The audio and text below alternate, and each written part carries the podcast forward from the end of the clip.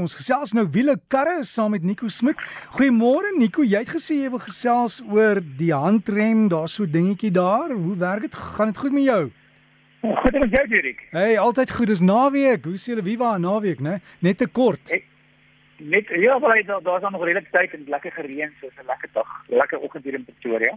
So kom ons spring reg in die handrem ek weet die vraag eintlik oor ehm um, daar daar's 'n funksie langs die handrem in die persente gevra dis 'n so a en hakies wat wat wat is die, wat wat beteken dit? Hoe wat is nou die doel van hierdie funksie? So eintlik as ons 'n stapie terugvat baie karre vandag het ons wat ons noem 'n elektromeganiese handrem so in plaas van die ou stelsel met 'n met 'n lang arm wat jy het met 'n knoppie wat jy moet druk en um, as dit nou 'n klein knoppie wat wat 'n uh, gewone P op het met 'n hakies wat jy optrek um, om die handrem te aktiveer. Hy sit of in die middel konsole of party van die voertuig is hy regs onder waar die lugskakelaar is.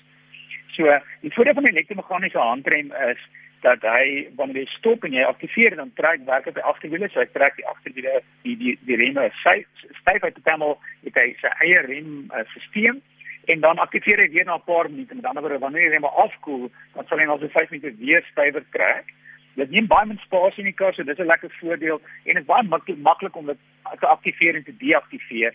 En dan wat 'n groot voordeel van hierdie stelsel is, is wanneer jou kar beweeg en jy kom ons sê die knoppie is in die middelkonsole en jy trek en hou die as jy dit aktiveer deur dit op te hou, so trek en hou dit op, dan aktiveer dit jou sluitveer remme, met ander woorde jou ABS remme. Ehm um, aktiveer dan. So wanneer die kar beweeg, kom ons sê jy ry teen 80 km/h en jy skielik ehm um, is daar 'n gebeur iets met die stuurder en hy kan nie meer rem nie. Jy dan net op die trek dan aktiveer jy die remme tot en met die voertuig het van die voertuig ehm um, kan weer die aktiveer tot die voertuig stop. Dit werk op enige spoed. Dit sal selfs teen 120 km/h werk. Natuurlik is dit iets wat jy wil trek as jy nie agter jou in die spieël kyk en weet wat om jou aangaan nie, maar in 'n noodgeval is is dit 'n goeie stelsel om te hê. Nou die die die ander funksie, die A gedeelte is is ook um, bekend in Engels um, as 'n auto hold funksie. So jou handrem, as jy terug gaan gou na die handrem toe, jou handrem kan um, baie karre met die veiligheidsgordel in hê, baie van nuwe karre is nie meer nodig nie. So jy teen 'n bultjie stop, dan kan jy die stelsel aktiveer en trek die knoppie met die P op en dan aktiveer die handrem en as jy wegtrek dan outomaties dan maak laat laat die handrem gaan so die voertuig kan beweeg. Nou daai auto hold funksie funksie ehm um, werk sodat wanneer jy hom aktiveer is baie maal 'n groen liggie. Sodra die voertuig stop dan trek hy al werk op al vier remme. So as die voertuig stop dan ehm um, aktiveer die remme. So jy kan maar die rempedaal jou die rempedaal van die voertuig los. Hy hou basies die voertuig vas sodat jy weer versnel dan beweeg die voertuig. So elke keer wanneer jy dan stop dan aktiveer jy die remme en hy hou die voertuig. En as jy petrol dan begin die voertuig weer beweeg. Veral as jy 'n plek kry met baie bulte werk dit baie lekker want elke keer as jy dan by 'n stopstraat stop dan hou die voertuig as ander karre verby en links en regs ry en jy wag en as jy beter gee dan beweeg hy.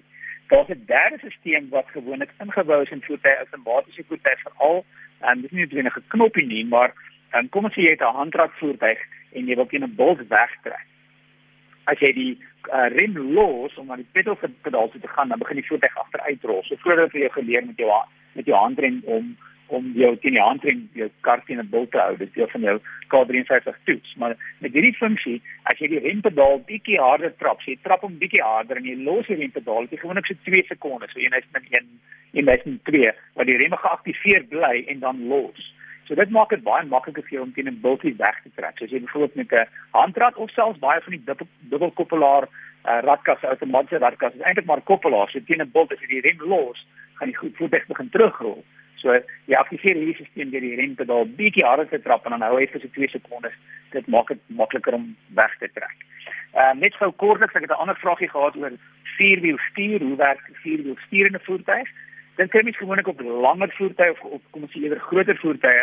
So gewoonlik as jy dan as jy gewoonlik met 'n voertuig draai, dan draai die voorwiele links en regs. Maar as die voertuig se se afstand baie lank raak, dan word die draaisirkel van die voertuig um, baie langer. So dit raak moeiliker om te parkeer en en in klein um, omgewings uh, te draai byvoorbeeld. Nou vierwiel stuur werk dan sodat as jy teen 'n laaste bedank van die vervaardiger in die kar af was, so tussen 60 en 80 km/h, teen 'n laaste, as jy byvoorbeeld kom ons sê draai links, dan draai die agterwiele teen 'n klein grade regs. So die die die voor en agterwiele draai in teenoorgestelde rigtings. Dit maak die draaisirkel kleiner. So dit is baie makliker om om te parkeer byvoorbeeld dan as jy kom ons sê weer net om by 60 of 80 dan van voertuig af as jy vinniger dit ry kom ons sê jy draai regs dan gaan die agterwiele in 'n klein hoek ook 'n bietjie regs draai.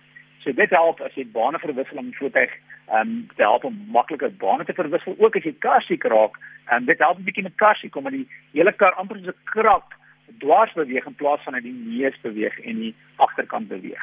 En natuurlik is daar baie met die hantering, so as jy met 'n bergpas ry of iets wat jy bietjie die hantering van die voertuig wil voel, ehm um, voel die kar baie meer dinamies omdat die agter en uh, voorwiele in teenoorgestelde of in dieselfde rigting beweeg. So daarop 'n bietjie die hantering van die voertuig. Okay Nico, jy moet 'n goeie naweek hê en jy weet daai daai uh, stuurmeganismes op al die wiele, jy weet dit is nogal handig. Ek ek was eendag in 'n in 'n limousine, jy weet een van hierdie dierkarre. En ja? as hy dit gehad het, sou hy nie die muurtjie raak gery het toe hy gedraai het nie.